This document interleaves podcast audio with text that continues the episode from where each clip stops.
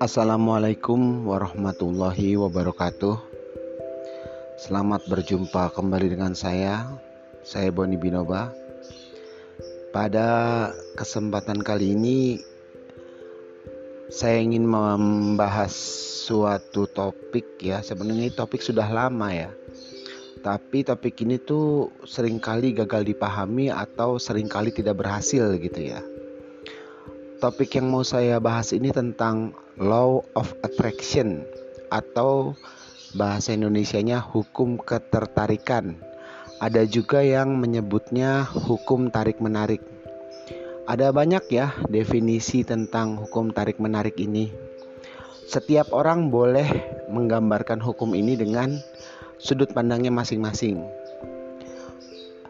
Salah satu sudut pandang yang saya pakai itu dari buku Quantum Ikhlasnya tulisan saudara RB Sentano ya.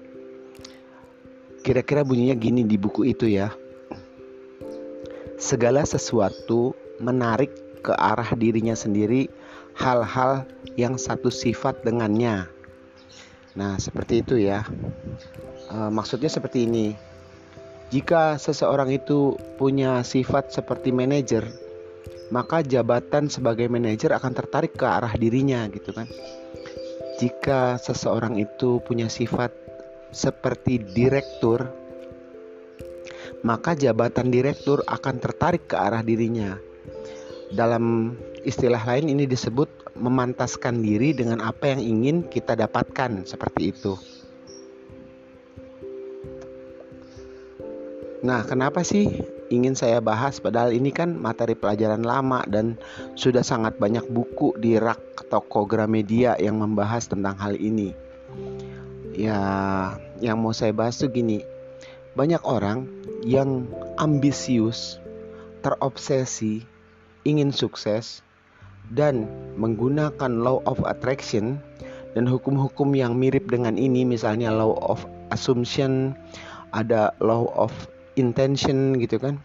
Tetapi mereka gagal gitu kan. Sangat semangat sangat serius sangat berambisi sangat terobsesi mereka praktekkan tapi gagal gitu.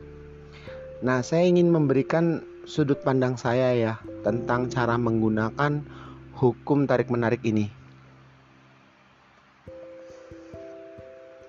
Dalam konsultasi tarot curhat yang saya lakukan Biasanya saya menggunakan law of attraction ini bukan untuk mewujudkan keinginan, tetapi saya gunakan hukum tarik-menarik ini untuk menganalisa kenapa seseorang ini menarik suatu masalah ke dalam hidupnya.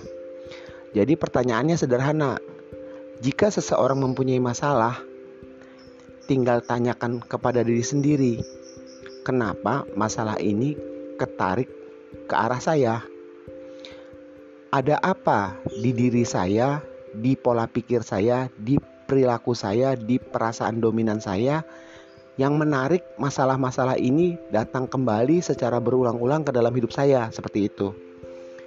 Jadi, sukses itu bukanlah sesuatu yang harus dikejar ya. Cukup menghilangkan, meniadakan atau menghapuskan hambatan-hambatan saja. Hambatan-hambatannya atau masalah-masalahnya dihilangkan. Nanti secara ajaib sukses dengan sendirinya gitu.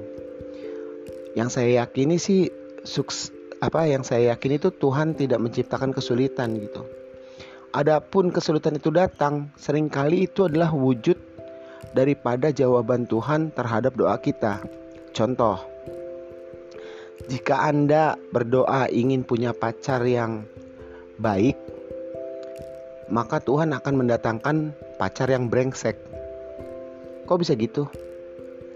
Ya, karena mungkin Anda belum cukup baik untuk berpacaran dengan orang baik, sehingga Tuhan menghadirkan training, yaitu berupa orang brengsek, untuk menguji Anda, untuk melatih Anda agar tetap bisa selalu baik pada kondisi ekstrim gitu. Kalau Anda berdoa, misalnya Anda seorang karyawan, berdoa ingin sukses. Tuhan tidak menghadirkan kesuksesan itu langsung. Dia akan membuat Anda dikeluarkan dari perusahaan, membuat Anda dipecat. Entah itu karena pengurangan karyawan atau sebab-sebab lainnya, misalnya Anda sakit gitu ya. Kok bisa sih doanya terbalik yang dimohonkan yang positif, yang datang yang negatif? Ya karena Tuhan menjawab doa Anda dengan training gitu kan. Anda ingin sukses, karakter Anda belum sama dengan karakter orang sukses. Supaya Anda mempunyai karakter orang sukses, maka Tuhan menghadirkan jawaban doa berupa training atau pelatihan ya.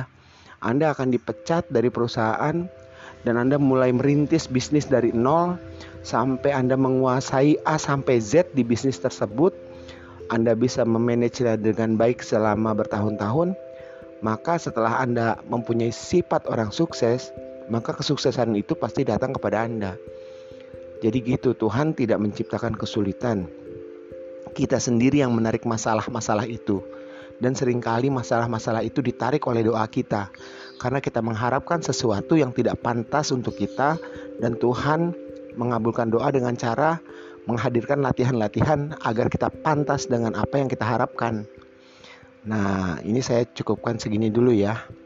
Semoga bisa dipahami ya mengenai penggunaan law of attraction atau hukum tarik menarik untuk menganalisa kenapa masalah ini datang ke dalam hidup saya.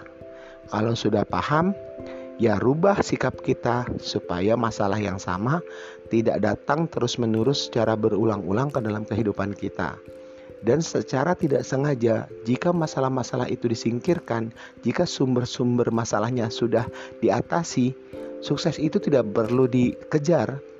Sukses itu akan datang sendiri, tertarik ke arah diri Anda secara otomatis. Bagi orang baik, ke arah jalan mana pun, hidupnya selalu baik-baik saja. Jika hidup Anda tidak baik, periksalah diri Anda. Mungkin ada pola pikir, perasaan dominan, atau perilaku Anda yang belum baik. Saya Boni Binoba, sampai jumpa lagi di podcast saya selanjutnya. Assalamualaikum warahmatullahi wabarakatuh.